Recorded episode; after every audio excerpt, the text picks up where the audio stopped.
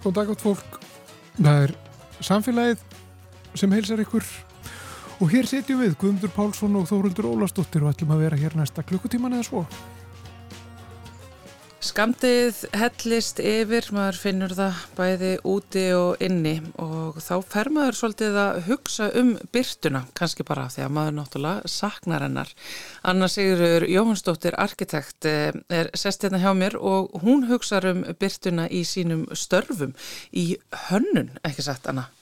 Jú, í, í hönnun og bæði í húsahönnun og líka í skipulagi þar sem að þetta er bara einn af þeim mikilvægustu þáttum sem við höfum sem að til að móta líka bara umhverfið okkar að, að með mótun arkitektúrsins við þá hérna er dagspyrtan svona sterkur miðill sem að gefur okkur möguleika á að, að forma þar sem formin myndast í rauninni eða við upplifum formin ja. með hjálp ljós og skugga svona þrývit, þrývitina og þannig að, að þá þá er rauninni verða til þessi, þessi form sem við sjáum en um leið getum við leikið okkur með dagspyrtuna til að mynda alls, alls konar hughrif sem við verðum fyrir í umhverfinu. Já, og gera líka bara hýpilin okkar lífvænlegri. Algjörlega líka það sko því að við erum náttúrulega, þetta er bara ókipis, náttúrulegur miðill Já. sem við höfum bara þarna úti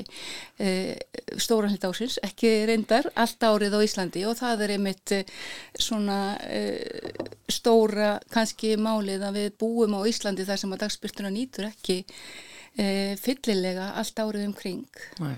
þannig að, að þessum er þetta sko í rauninni en verðmætari miðil sem við þurfum að huga sérstaklega að Já, að virkjana sko Já, Já. emitt og... En þetta er það sem maður sér oft náttúrulega inn í húsum og íbúðum að svo virðist nú enga síður þó þetta sé svona mikilvægur miðil í allri hönnun og arkitektur að þetta hafi glemst hús snú oft afskapla asnalega með hvernig sólinn gengur og, og glukkar eru fáir eða litlir eða bara staðsettur og kólröngum stöðum.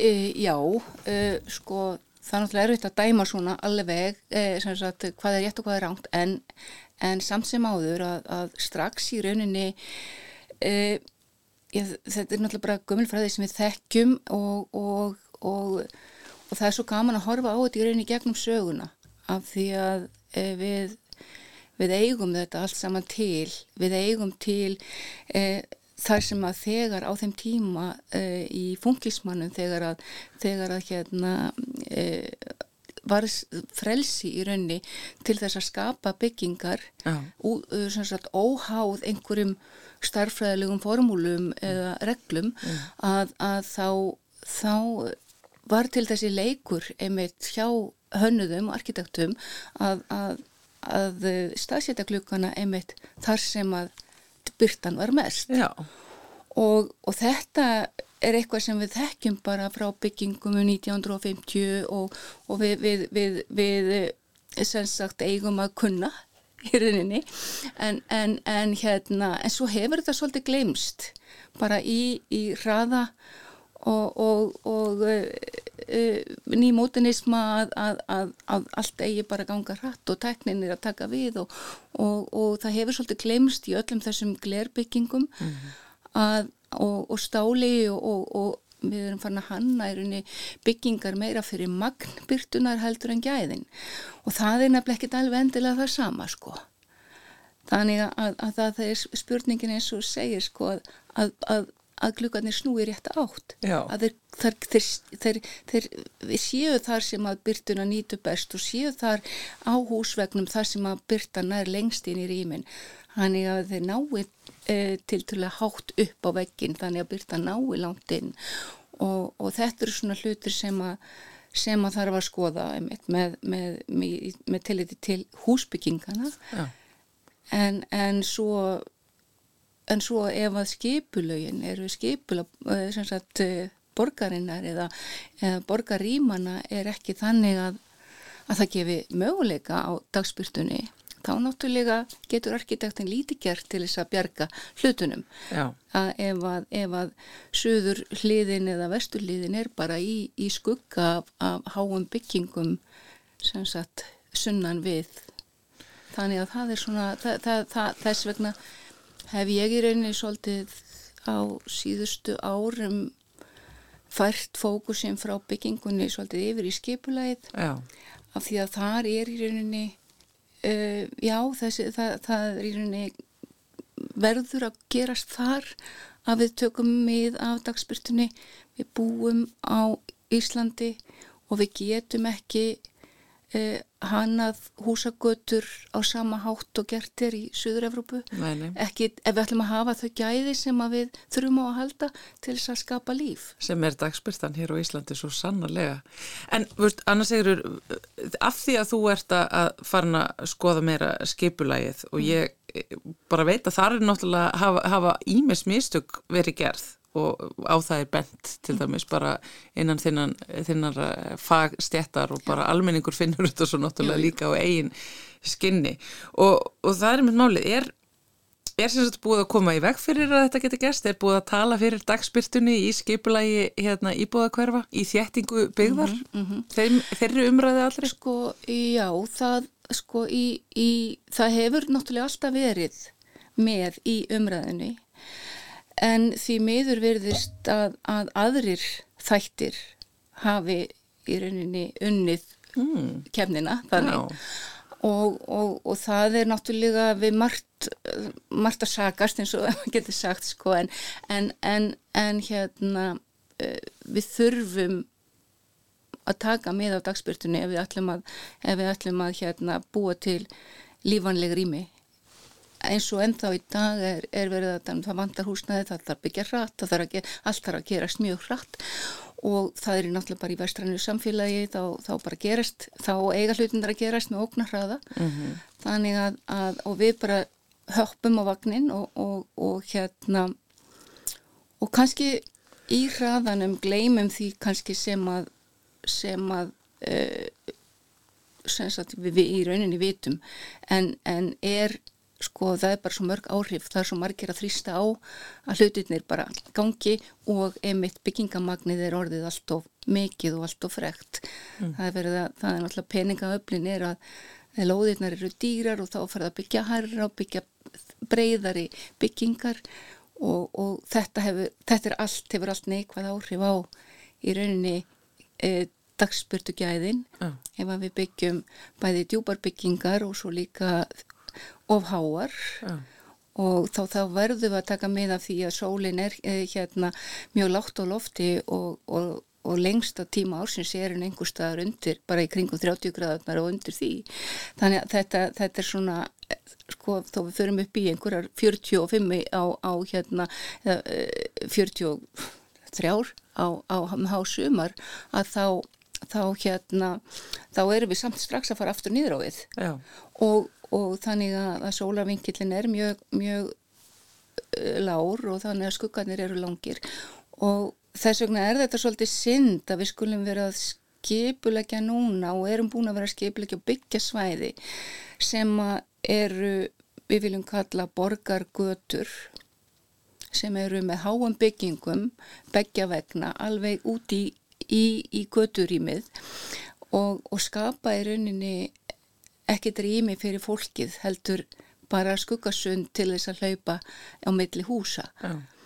það er hægt að gera þetta að, að, sko, allt, allt öruvísi við þekkjum það bara það er bara allt sagan er, er segir okkur þetta allt saman. Það var bara í fyrsta aðalskipla 1927 sem var samþygt þá er náttúrulega þá er þverfaglegt samráð á meðli Guðjón Samuelssonar og Guðmundur Hannessonar læknis og, og, og húsameistari og læknirinn þeir vinna þannig saman að skipulaskerð 1927 byrjaði þarna 1920 kannski að vinna það.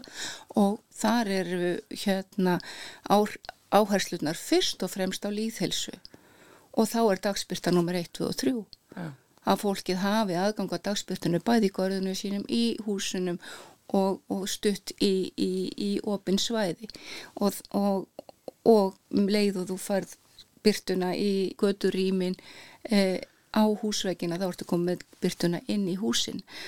Þannig að, að, að þetta hefur allt jákvæð áhrif. Já, síðan hefur okkur verið kannski svolítið meðslagðar hendur. Síðan hefur bara beningarvaldið haft svolítið sterk ítök mm. eins og svo sem kannski alls það er sem við svona okkar svona næstu nákvæmna þjóðum og, og við höfum kannski glemt því að við búum á Íslandi en svolítið glemt því að við, ef við ætlum að búa til gott umhverfi hjá okkur þá verðum við að taka mið af því hvar við erum mm. og okkar aðstæðum og, og það er svona fyrsta skrefið og ef við gerum það ekki þá er bara svolítið erfitt að snúa tilbaka því þá erum við búin að skemma eitthvað.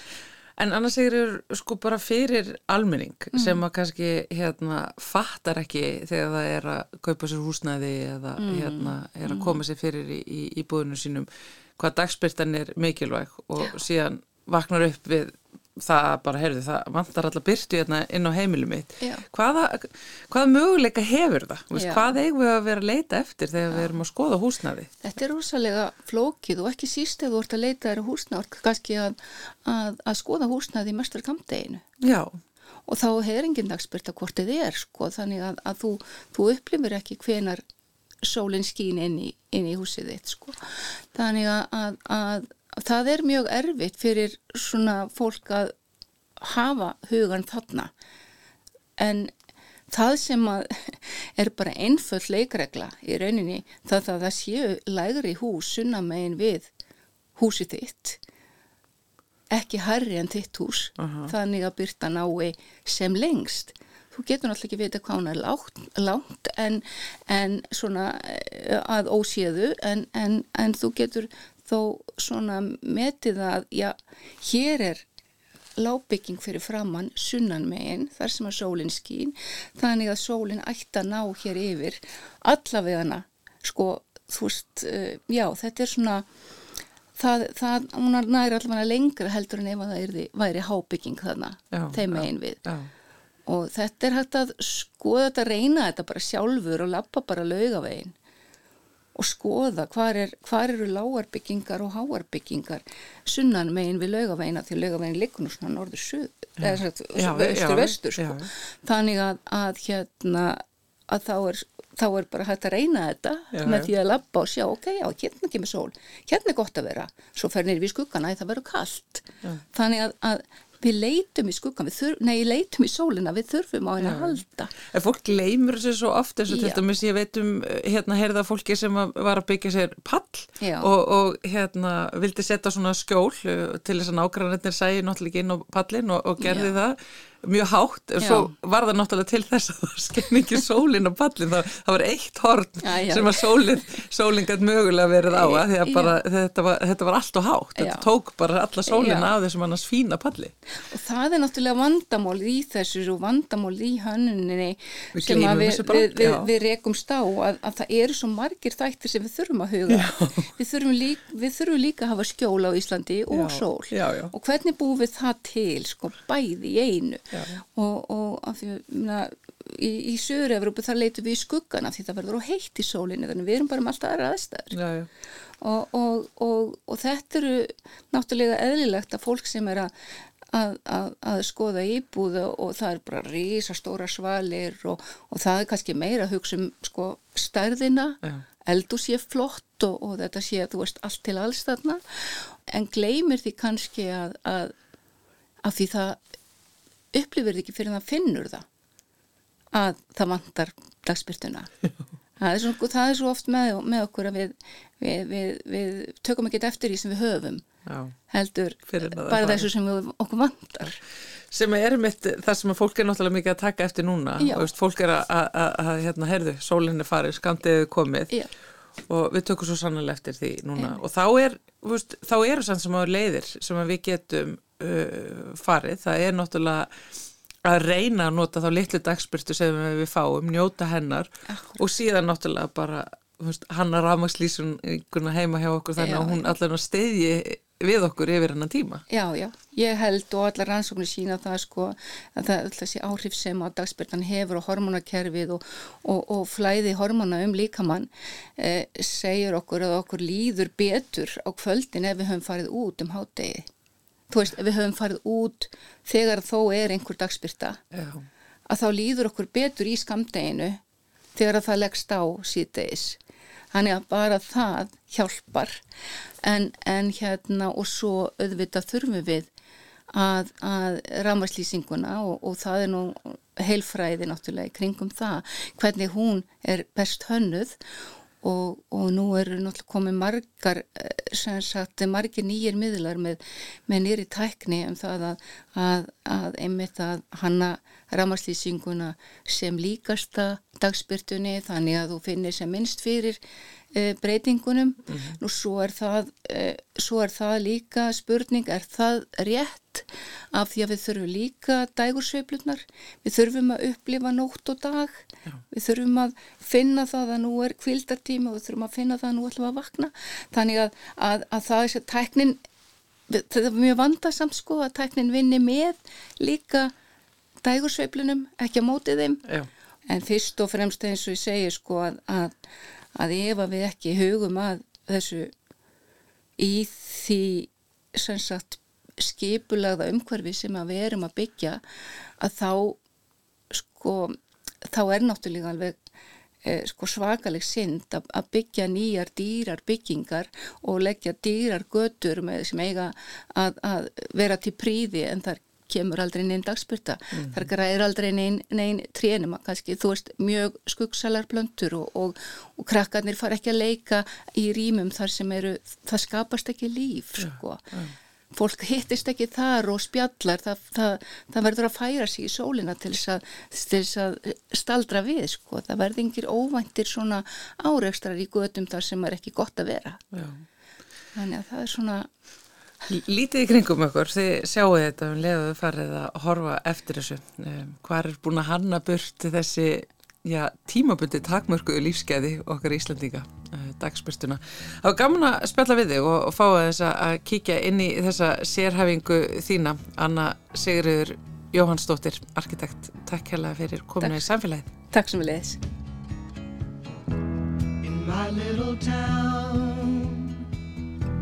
I grew up believing God keeps his eye on us all.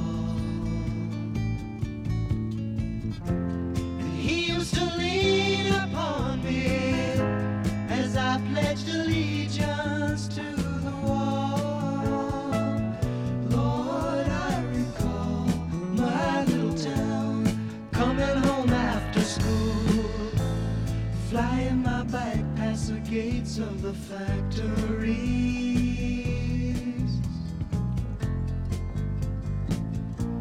My mom doing the laundry, hanging out shirts in the dirty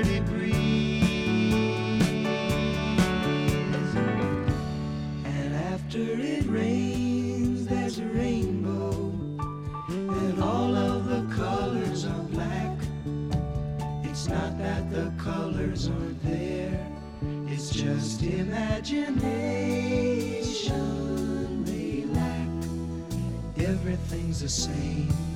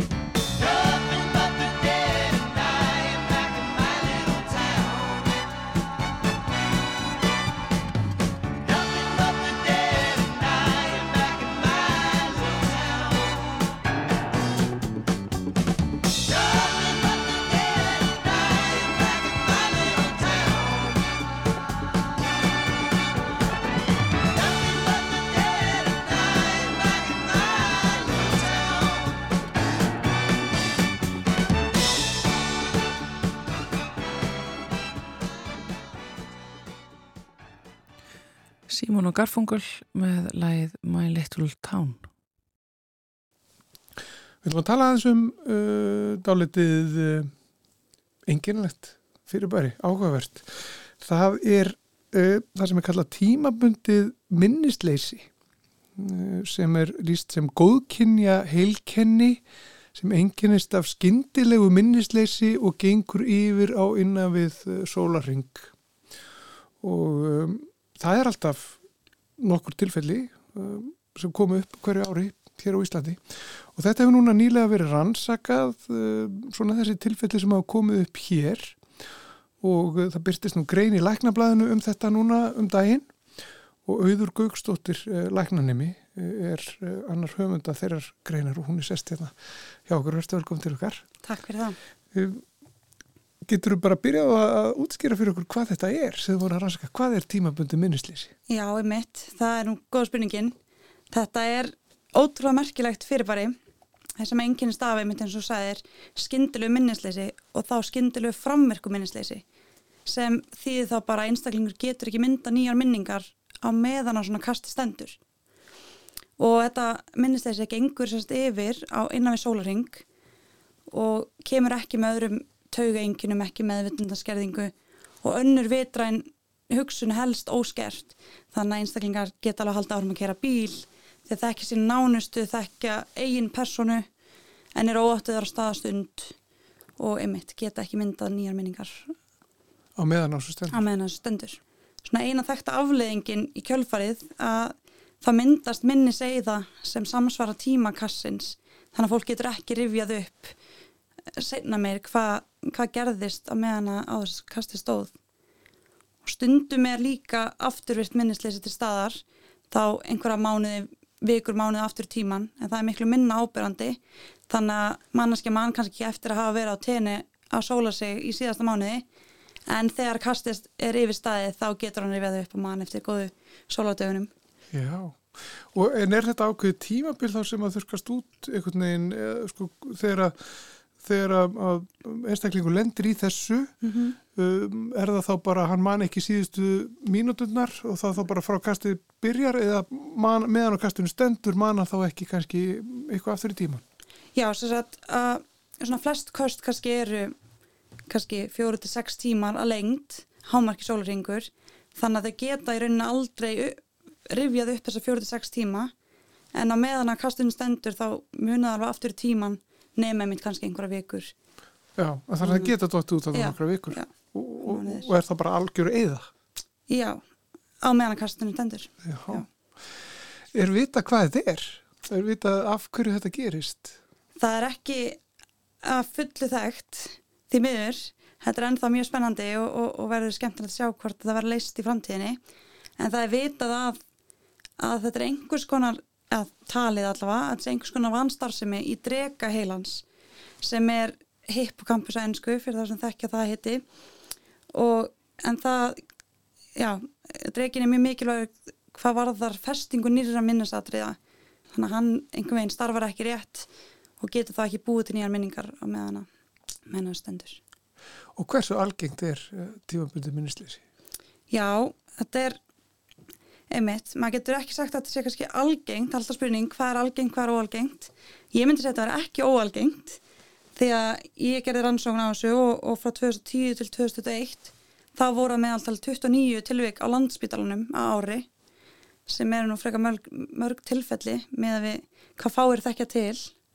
Og er vita, sko, er þetta ykkur ákveðin hópur sem að er líklegri til þess að verða fyrir þessu en annar? Þetta er aðalega fólk á miðjum aldri, kannski milli 58 ára, 80 ára gömlu fólki. Eh, Þetta hendir kyn jáft, þannig að í rannsókninu minni voru 167 kallar á móti 168 konum, eitthvað álíka, þannig að það var mjög jáft þar. En það hefur ekki verið tekist að sanna einhver ákveðna áhættu þætti þannig séð.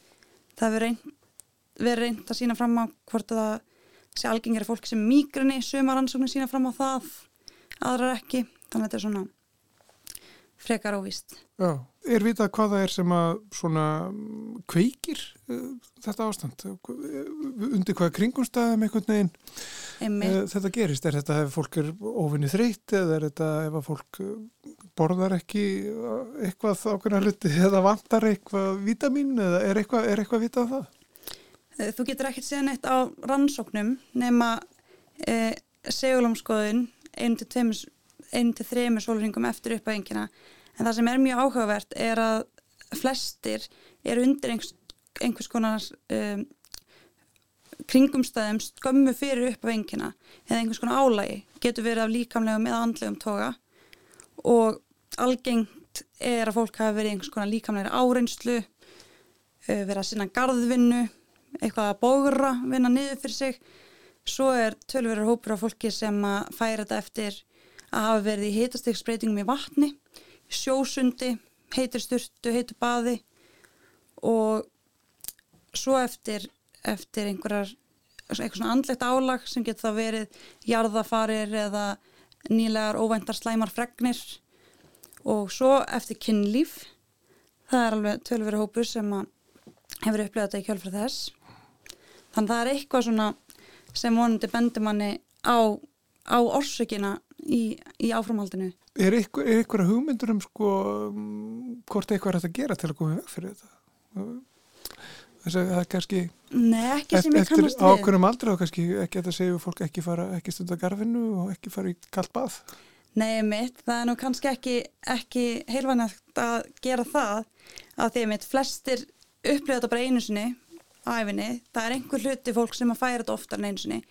En það var einmitt spurningin af hverju fær Jón ekki alltaf tímabundin minnisleysi eftir hann fyrir sjósund af því hann fekk að hann einu sinni þannig að það myndi held ég ekki ekki gagnast að setja einhverjar hömlur á fólk En þetta er, þetta er í rauninni bara ráðgata Þetta er dálítið ráðgóta. Þetta er dálítið ráðgóta. Mm. Það hafa verið uppi ymsar kenningar hvort það sé orsakað einhverju svipuðu orska mígrunni eða flóg eða hvort það sé einhverjum geðrænum toga. En kannski algengasta kenningin í dag er að það sé einhvers konar blóðflæðistruplun á þessu viðkvæma svæði í dreganum. Bara mjög tímabundin og örs, já, stutt truplun sem, a, sem að er að valda þessu. En það hefur ekki tekist að sanna það. E, getur þú líst eitthvað nánar sko einkennum þessa, þessa fyrirbæri svona hvað hva gerist hjá fólki og hvernig, Já, hvernig verður það sko Eða, veist, hvernig, hvernig, hvernig lýsir þetta sér einmitt. Það er mjög einkennandi hjá svo fólki að þetta verður mjög skyndilegt, fólk verður mjög óáttað og eh, svona verður eins og byluð plata, kannski auðvitaðst að lýsa því þannig, segir sömu hlutina aftur og aftur, spyr sömu spurningana ítrekkað. Alveg klassist dæmi er að, er að einstaklingu leitar á heilbríðstjónustu, læknir kemur að tala við hann, fer út úr herbygginu í örfáur mínútur, kemur tilbaka og það er eins og fyrra samtala af aldrei átt sér stað. Þannig að það er svona, já, spyrja gæna mikið, hvað er ég, hvað dagur er, er ég búin að ammali, eitthvað þým líkt, Já. aftur og aftur. og það er þetta að, að það, það verður ekki, það myndast ekki nýja minningar Nei, einmitt. Þannig að þetta er mjög áhugavert og náttúrulega, þetta kemur náttúrulega aldrei dramatist fram og, og fólk, sérstaklega aðstannendur verður frekar, það vekur upp ugg og það er svona leita flestir þessi sjúklingar á, á spítala. Ekkert skrítið, þetta er aldrei dramatist. Já, en, en einstaklingandi sjálfur sem að sem að upplifa tímaböndu minnisleysi eru þau eh, almennt eh, róleg yfir þessu meðan á þessu stendur eða? Já, það er mismunandi. Mér sýndir svona flestir að þeim sem ég skoði hafa bara verið frekar rólegir og, ekki trættir en svo voru inn á milli einmitt einhver sem voru mjög kvíðinir yfir því fannst, þeir, fannst eitthvað vera að sér. Aðrir kannski reytust ef, það, ef einhver spurði um eitthvað sem þeir myndi ekki svara við. Svona að reyna að koma sér undan í flæmingi að, frá svarinu. En flestir verðist bara að halda ró og, og ekkert endilega gera sér grein fyrir að sé eitthvað, eitthvað að. Verður framhald á þessum rannsóknum eitthvað hér? Veistu það, það? er óákveðið, það gæti alveg verið.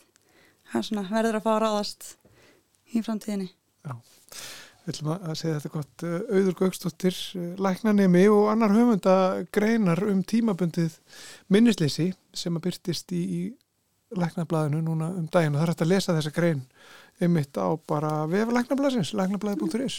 En takk fyrir komuna. Takk fyrir mig.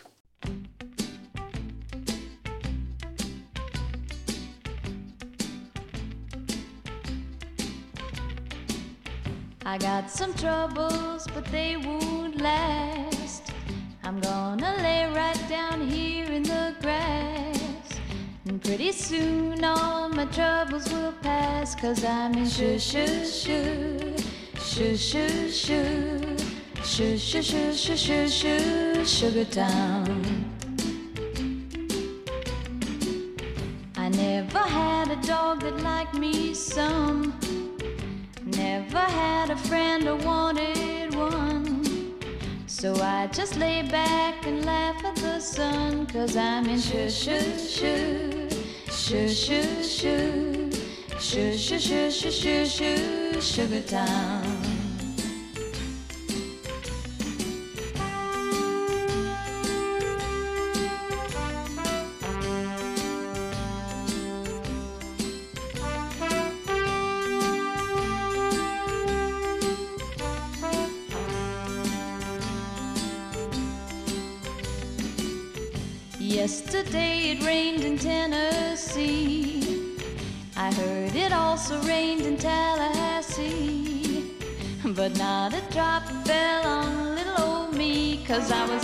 Shoo shoo shoo, shoo shoo shoo, shoo shoo shoo shoo shoo Sugar Town.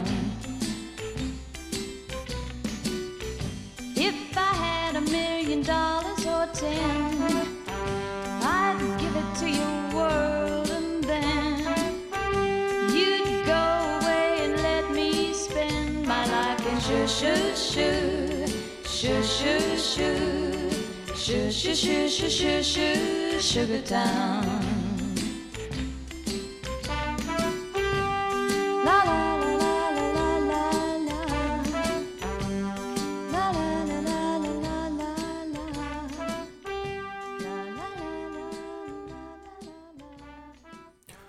Þetta er Nancy Sinatra að syngja þetta lagið Sugar Town. Þá er komið að dýraspjallinu hérna hjá okkur í samfélaginu. Þá fáum við að forvitnast um uh, störf og rannsóknir og hugðar efni já, okkar svona færasta náttúruvísenda fólks. Höfum andað ofan í hálsmálið og nokkuð mörgum uh, hingað til og það er komið að því að uh, kíkja yfir aukslina hjá Guðjóni Má Sigursinni sem er sjáarlífræðingur hjá Havró. Sætlustu Guðjón? Sæl. Kvalir eru uh, þitt svið. Uh, Þú hefur það verk að, að fylgjast með og skoða þá ekki satt. Hvernig fer það fram uh, svo vinna? Það, ég er nú svo sem freka nýri þeim bransa en svona aðal markmið okkar er að meta stoppstærðir kvala við landið og svo setja það í samhengi við visskerfið hvaða hlutverk þeir hafa við landið og hvað þeir eru að geta og, og svo framvegis. Sko, þegar kemur að telja kvali, hvernig ferður bara, ferður bara telur? Í, í rauninni er það bara svo einfalt. Það, það þarf náttúrulega skipuleg geta vel og það er farið á skipum og, og þetta er svona eins og í teiknumyndunum, það er kallar upp í tunnu að, að telja kvalina. Nei! jú, og, og hvað er þetta langar ferðir þá? Eða? Já, þetta er sem betur fyrir kvalir mjög langlýf dýr og það þarf ekki að gera þetta mjög oft. Þetta er gert á svona 8-10 ára fresti. Við erum að fara næst eftir 2 ár og það er seilt eftir ákveðin, fyrirfram ákveðinni leið, bara svona sniði, ákveðinum leiðalínum og þegar það er bjart þá er talið, þá eru menn uppi sirkur megin á skipinu, horfið sirkur áttina og þeir telja þá kvali sem þeir sjá og það er hægt að greina kvalina til tegund eftir lægina og blástrunum sem þeir gefa frá sér og eins ef það sést eitthvað meira þá er hægt að nota það til greiningar. Já, e, fyrir svona fólk sem er búið að vinna lengi í þessu er það bara farið að þekki jáfnvel einstaka kvali bara? Það, já, jáfnvel sko.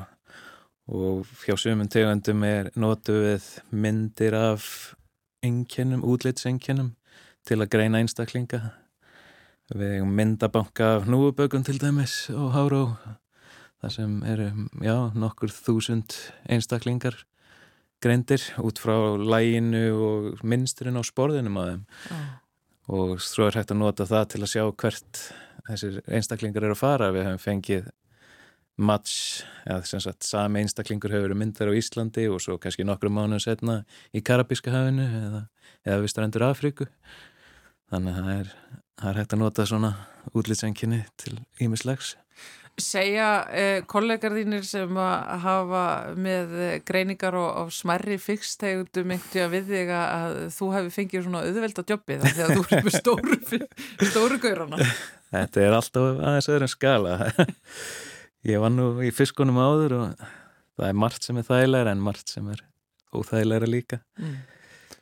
En þegar kemur að því með þetta skoða já, svona lífsferil og, og stöðu kvalastofna við Íslands og hvaða áhrif þeir hafa á visskerfið, mm. er það þá bæði já, upp á það að greina sko þær tegundir sem að, að kvalurinn lifir á, uh, helsu hafsins og þá líka til veiða?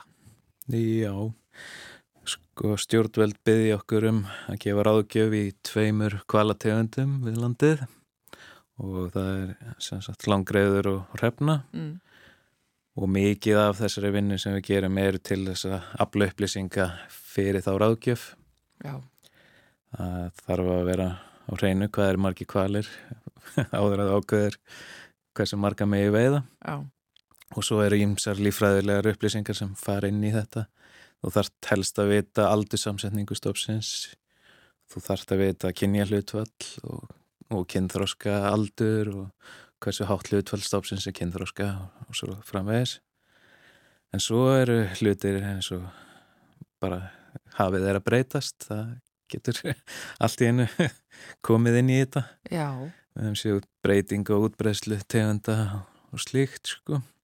Þannig að það er svona ímislegt sem þarf að taka til greina Sko, ég get ímynda mér náttúrulega að þú ert að sapna gögnum og þú náttúrulega vinnur þetta eftir bara svona viðkendur aðferðafræði, þetta er náttúrulega þekkt innan þinnar stopnunar en, en, en, en þú ferðu öruglega og væntalega ekki varhluta því að, að, að hvað rifist mikið um kvalviðar. Jú, jú, sko allt sem við gerum fer í gegnum alþjóða kvalviðaráðið sem er stórt batteri og sem sagt stopnarnir okkar við sköfum gögnin en sjálf úttektin fer fram á vegum kvalviðaráðsins Mm. og þetta er bara svo pólitíst að, að það myndi enginn treysta okkur bara til að gera þetta sjálf þótt að við gætum það í raunin alveg þá sem sagt þeir meta stoppstærðina og svo svona loka skrefið að ákveða aflamark það er gert hérna heima Mm. og það þau vill ekki gera það en, en það ger allt annað Þetta er búið að skrítin heimur. Já, hann er það sko Finnst þér, já, þægilegt að vinna í honum sem bara þessi líffræðingur, sem þessi svona greiningamæður kvala? Já nei sko. maður, það eru mikla tilfinningar í þessu á, á bóða bóa en maður reynir bara svona láta vísindin tala sínu máli og Já. Ekki fara í, í politíkina Nei, nei, það er bara einmitt ágætt kannski og, og örglega einhver frelsi bara einmitt að fá að halda sig við það. Já, já, Ég tel kvali. já Í þessum kvalatalningaferðum þegar þið eruð að- greina, sko, hvað finnst þér vera, já, hvað finnst þér helst að kvalitnir sé að segja okkur svona upp á síðkastið? Ertu farin að sjá einhverja svona, einhvern svona einn söguþráð? Rauðan, rauðan Já, þráð? Sko, kvalveðar voru náttúrulega bannaðar í heiminum í kringum 1980 eða, já, á nýjunda áratugnum. Það var sett allserja bann eftir mikla ofveiði og eiginlega eftir það má segja að allir kvalastofnar eða, eða langflestir sjá mikill uppleið. Þeim er að fjölga í heiminum. Mm Tegundir sem voru í, í bráður útrýmingahætti eða útrýmingahætti eru það ekki lengur og flestir stofnar hafa stækkað töluvert. Svo hefur líka útbreðslan verið að breytast. Við sjáum til dæmis núfubögg sem var bara alls ekkit algengur hérna við Ísland fyrir ekkit svo mörgum árum. Það er allt í hennu komið allir ferðir fullir af núfuböggum. Já, Á hverju? Er þú út Þeir að þeir eru- eru að fjölga? Þeir, þetta er blanda báðu sennilega, þeim er að fjölga og eins er þeir að þeir alltaf fæðina og fæðan kannski að færast aðeins norðar heldur hún gerði hérna árum aður og sama tíma við sjáum þessa breytingu á útbreyslu hnúfubaksins og aukningu í stoppstarð í landið þá sjáum við aðrar tegundir kannski hópa eins og hrefnan sem Já. var algengin á fjörðum og við Suðurland og hérna inn á Faxaflóa í gamla daga er farin norðar og hún er miðja útbreyslunar við landið eiginlega komin til Jan Mayen sko. já. en hún getur kannski aðeins annað en hnúðbökurinn þannig að þetta er, hún er kannski allt eitthvað til dæmis loðunan hefur færst norðar og þetta er náttúrulega allt tengt Er eitthvað svona eitt sem að eh, við eh, þessar rannsóknir þínur og vinnur sem að þeir eru þóttalega svona sérstaklega forvitnilegt eða skemmtilegt eða hræðilegt eða komið mjög mikið óvart? ekki ennþá sko en maður er rosalega lítill þegar maður stendur við hliðin á fullvaksta langriði þetta er alveg svakalega stór dýr. Og við sem hluti á okkar vinnu þá þurfum við að taka síni úr lönduðum dýrum. Og við höfum skipst á að vera upp í kvalfyrði í sömar og þetta var í fyrsta sinn sem ég byrjaði ekki í þessu fyrir, fyrir tveimur árum síðan Þannig ég mista af 2018 vertíðinni, þannig þetta var fyrsta kval vertíðin mín og þetta var, maður er ansið lítill þegar maður stendur öllina á þessum dýrum og sérstaklega þegar maður sér öll líffærin og slikt, þetta er bara svo reysa stórt. og þá saknaði ég fiskana, það er ekkert mál að skoða magan í fiskina, skoða magan í kval, það er aðeins annað dæmi. Ég myndi með það. Já, þetta gerir mann auðmjúkan. Já, þetta gerir, gerir maður það. Mæta þessum reysum hafsins. Já, En sko, taland um að því að þú ert, já, svona tiltölulega ný komin í kvalina, þá varstu mikill uh, sérfæraðingur í, í öðru dýri sem að ég verði eiginlega að fá að spjalla við þig, mm sem að er marglitan. jú, jú. Á hverju velum að þau sér að skoða það dýr sérstaklega? Sko þannig var að ég var í grunnámi í lífræði og, búin með það og, og ætlaði í framhaldsnám og ég var búin ákveða að mig langaði að rannsaka eitthvað í sjónum. Og á þeim tíma þá voru stórar, það var í fréttum að svarmar að marglittum hefðu eðilagt fiskeldi á mjóafyrði fyrir austan. Þetta var í kringum 2006-07, jafnvel aðeins fyrr og sem sagt að einhverju svarmar að marglitum hefði komið þannig og leggst á lagseldiskvinnar og drepið fisk. Og mér þótti þetta mjög áhugavert og talaði við mann upp í háskóla sem hafi fengið eitthvað pening til að rannsaka marglitur og þannig fór ég í mastersnám að stúdira marglitur við Ísland. Og það var mjög áhugavert og skemmtilegt. Og það hafði ekki verið gert síðan eitthvað Dani komingað í leðangur 1940 og hafði tekið síni sem sagt af marglitum. Hvað er að frétta af marglitum við Ísland? Þetta er náttúrulega ekkert rosalega fjölbreytt, þetta er svona fjórar tegundir aðalega.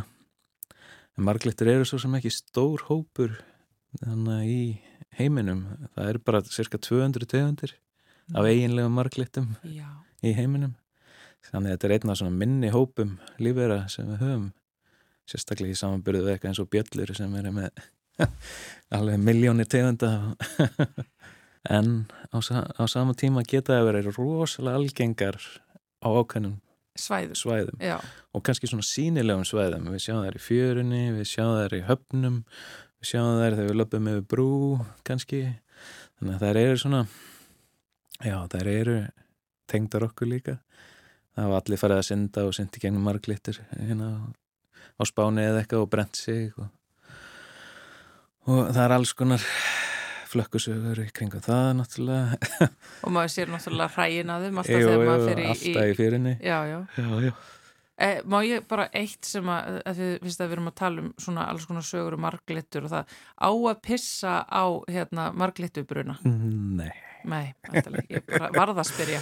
það var ekki að gera það og það er daldið misjönd hvernig að bregðast við en, en pisk gerir ekkert. En heldur þetta kannski hafi eitthvað að gera með það að marglítunar eru fallegar? Já, það eru náttúrulega mjög sérstakar í læginu og, og svona rólegar virðist vera allavega. Það eru fljótandi um og svona syndandi. Það er nánast eitthvað svona rithmi í hreyfingunum hjá þeim sem er að kannski heilla fólk. Er það oft notaðar í dýragörðum og sjá dýrasöfnum sem svona róandi verur svona myrkum herbergjum með kannski súla marglittum og falleg lýsing og róandi tónlist og þá er þetta mjög listræn dýr Já, einmitt. Guðjón, innan þíns fags, hefur einhver svona markmið eða uh, eitthvað sem þú stefnir að að gera? í marglittunum eða kvölunum eða Já, hvað, hvað sem er hvað sem er og allt þar á milli. Mm, ég held að við þurfum og það verður alltaf mikilvægur og mikilvægur að skilja svona stöðu kvalana í fæðu keðju hafsinsina við landið og svona það verður kannski ekki kvalveðar í framtíðinni þó hver veit en þá verður alltaf mikilvægt að svona meta þessi áhrif þessara stóru dýra á visskerfið okkar við landið og þá í tengslu við aðra 19 tegundir eins og fiska þannig að það verður, það er svona stóra spurningin fyrir framtíðina hvernig tengist þetta allt svona visskerfis nálgun við fiskveðar. Hljómar eins og þú ætlar ekkert að yfir, yfirgefa kvalina í bráð. Nei, nei, ég frekar nýbyrjaðar í þeim en það eru spennandi Já. Guðun Már Sigursson, uh, sjáur lífræðingur hjá uh, Hafró, takk hella fyrir komuna hingaði dýraspjallið í samfélaginu. Já, takk Já, vísindaspjallið farið á stað hérna hjá okkur í samfélaginu. Þetta Olgudóttir uh, sest niður. Sælurst þetta? Sælverið. Við ætlum að tala um bíflugur í dag, ekki sett? Einmitt og það er kannski svona, það er, þær eru alltaf að koma öðru kvoru svona í, í hérna degluna að tala um hvernig bíflugnastofnin er að, að hnigna og það er sko án þess að ég hef kynnt mér það mjög ítarlega hvernig við mælum það þá er í raun og veru tvær leiðir til þess að meta hvort að bíflugum er að, fjölg, að fækka. Og það er náttúrulega fyrsta lagi bara talningar en svo líka hérna að því við notum bíflugur til þess að framlega hunang og það, svo framlegsla hún er á niðurleið, þar virðist vera ákveðin svona samdráttur í gangi. Og vegna þess að þessi hérna samdráttur er í gangi og nú eru við svona farin aðeins að pæli í því hvað gæti verið að gerast að þá eru alls konar svona rannsóknir í gangi eiginlega til að, að búa til betra hérna kerfi til að rannsaka bíflugur vegna þess að, að hérna, rannsóknir á bíflugum þær hafa yfirleitt verið þannig að það, við erum bara með þar inn á rannsóknastofu í svona einangröðu og, og mjög svona stöðluðum e, í stöðluðu umhverfi. og þær fá bara fæðu sem að er sko hérna síkurvatn Já. og alls konar svona blöndu af síkurvatni og það er eiginlega svo hérna svo pæling að þær þurfi kannski að fá vatn líka sem að leiti til þess að þessi rannsók sem ég ætla að tala um er var til. Þau voru sem sagt að, setjast fram sko þá tilgátu að við þyrtum kannski að hafa aðeins svona náttúrulegri hérna, umhverfi fyrir flugurnar á rannsóknastofinni og ætlu að skoða hvort það hefði áhrif á lifun hérna, flugnana að vera með vatn en ekki bara síkurvatn í umhverfinu. Og þegar þau fara að skoða þetta að þá kemur í ljós að lifun flugnana e, þegar þau eru að bera saman þessa rannsók sem er gerð núna og aðra rannsók sem var gerð sko 1970 að hérna, meðaltal æfi bíflugu hefur hérna, helmingast Já. sem er alveg rosalega mikið og svona kannski, ég ætlaði nú reyndar að byrja því að tala um þetta áður en ég fór að útskýra rannsóknuna, það er svona smá hérna, forvar, hérna forvari á þegar maður talar um bíflugur vegna þess að hér á Íslandi að þá eru við aðalega með það sem við köllum hunángsflugur, en það eru ekki samt þær flugur sem við notum til að framleiða hunang. Og þær eru líka stundum kallar humlur, en þær eru semst af hunángsflugu ætt. Og ég hérna ætla bara að segja það upphátt ég er engin sérfræðingur í þessu þannig að ef ég hef rámt fyrir mér, ef einhver hérna úti er að hugsa að þetta er algjör vittlisa þá er það bara örgla rétt. Þetta er mjög vísindilega aðferð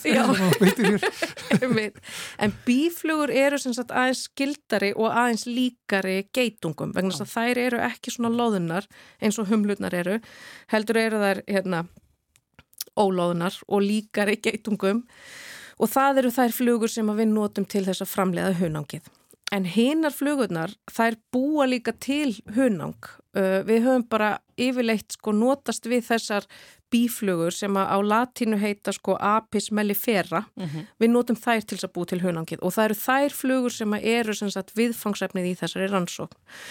Og þau eru sem sagt að skoða þessar flugur, þær eru teknar úr uh, náttúrulegu umhverfi á einhverju þróskastíði, þær semst fá að hérna, klekjast út og svo er það teknar inn á rannsóknastofu og eru settar í svona hérna, tilbúið bíflugnabú og þar klára þær sinn þroska og fara svo bara að lifa sínu hefðbundna lífi þar sem þær fljúa og sækja sér hérna uh, sigurinn í þá sigur vatn og, er, og, og það var hérna partur af tilrauninni að aðtöku hvort þær þyrtu vatn líka. Og kemur þau ljós þegar þau eru að bera saman flugur sem að fá bara sigur vatn alveg eins og við gerðum í gamla daga og hérna flugur sem fengur bara sigur vatn árið 1970 að þær sem að lif, uh, voru í rannsóknu 1970 lifða meðaltali í 34 daga en þær sem að við erum að skoða núna lifa meðaltali bara í tæpa 18 daga og þarna eru við semst ekki með eitthvað stopp sem er bara hérna, verður til á rannsóknastofu. Heldur er þetta, við erum að taka þessar flugur úr náttúrunni og það er náttúrulega þar sem að, að þær búa og þar eru þær þessar flugur sem við hérna, nýtum okkur til þess að fá hunang frá. Að þær eru bara þarna í náttúrunni, eru búin að fara í gegnum sko sínar kynnslóðir úti í náttúrunni. Þannig að það er ekki þannig að við erum með hérna, eitthvað svona uh, stökkbreytingar í erðamenginu eða eitthvað slíkt sem, að, að, hérna, ranns, sem hafa verið ítt undir vegna þess að þetta er á rannsóknastofu. Já, Og manni dettur náttúrulega helst í hug að því það er svona kannski svolítið ofarlega í hug okkar að það er hamfara hlínun já, að það hafi einhvern veginn áhrif á hérna á það hvernig flugurnar haga sér. Og þó að sko veist, þetta eru 50 ár hann á milli 1970 og 2020 og þetta er kannski ekkit mjög langur tími í manns árum skiljiði vegna þess að við, okkar kynnslóðir þær eru taka mjög langan tíma en þarna eru bíflugur búin að ganga í gegnum sko rosalega, rosalega, rosalega margar kynnslóðir og það er þar sem að hérna, við hver kynnslóðaskipti þá getur orðið eitthvað sko ákveðin breyting á erðaefninu sem að stjórnast í raun og veru af því hvað umhverfið er að kalla eftir. Þannig að ef að þú ert með eitthvað svona einhverja öfgar í umhverfinu eins og til dæmis er að gerast í hamfara hlínun að þá getum við fyrir tilviljun verið að íta á eða toga í einhverja eiginleika í erðaefni flugunar þar sem að hún hérna, þar sem henni gengur betur að lifa af uh, í heitara loftslægi en það kemur niður á því að hún getur ekki lifað jafn lengur, lengi. Líftímin er eiginlega bara búin að styttast en þú segir hún lifi betur li, líður henni vel í hi- þó, Ég- þó, ég- þó hún lifi styttra Já, ég er að segja að hún, lif, henn, hún lifi betur vegna þess að hún þarf einhverja eiginleika til þess að lifa af þessa breytingu í já, sko. og þá eru hérna náttúrulega náttúrulegt val byggist á því að, fó, að hérna einstaklingurinn uh, lifi að, fram að kynþróska að minnstakosti og Mhm. nái að sko ægslast og búa til aðra einstaklinga sem að hafa þeirra erða eiginleika og að, að hérna, þessir eiginleikar sem að hjálpa þeim að komast alla leið á kynþróska og að ægslast að þeir erfist. Þannig að þess vegna er ég að, að gefa mér það að ástæðan fyrir því að þær lifa stittra að það sé einhvern veginn byggt inn í erðaefnið. Og, en við auðvitað höfum kannski ekki alveg hérna gögnin fyrir því í þessari rannsókn vegna þess að við höfum ekki gert sko einhverja raðgreiningu á erðaefninu þó það væri mjög áhugavert að gera svo gæti þetta auðvitað líka bara verið vegna þess að þær eru teknar úr náttúrunni og það gæti alveg verið að það gerist eitthvað þarna á fyrstu stigum þroskans sem að veldur því að þær get ekki lifa lengur eða jafn lengi og þær gerðu árið 1970 En þannig að við vitum ekki nákvæmlega hvað er að gerast og ég er að ímynda mér að þetta sé, og svona, það er náttúrulega í að því í greininni líka, að þetta sé eitthvað þar sem að við um, með umhverfisbreytingum erum búin að íta flugunum á þennan stað að þær get ekki lifa lengur Já. og það sem að hérna, þau gera svo í greininni líka er að setja þetta hérna, í samhengi við hunámsframlegslu vegna þess að þegar þú ert búin að stitta æfi bíflugnarna þó að sko þó að hérna, flugurnar endur nýjist inn í búinu þá stittir þú samt tíman sem að flugurnar eru virkar af því þær þurfa að ná ákveðnum þroska og hérna bara alveg eins og við og þá er þær virkastar á ákveðnu hérna, tímabili á æfinu og svo verða þær þreyttar áður en þær drepast. Mm. Þannig að það er hérna, við erum búin að stitta það hver, hversu stitta tímabilið sem að vinnu bíflugurnar hafa til þess að búa til hunang.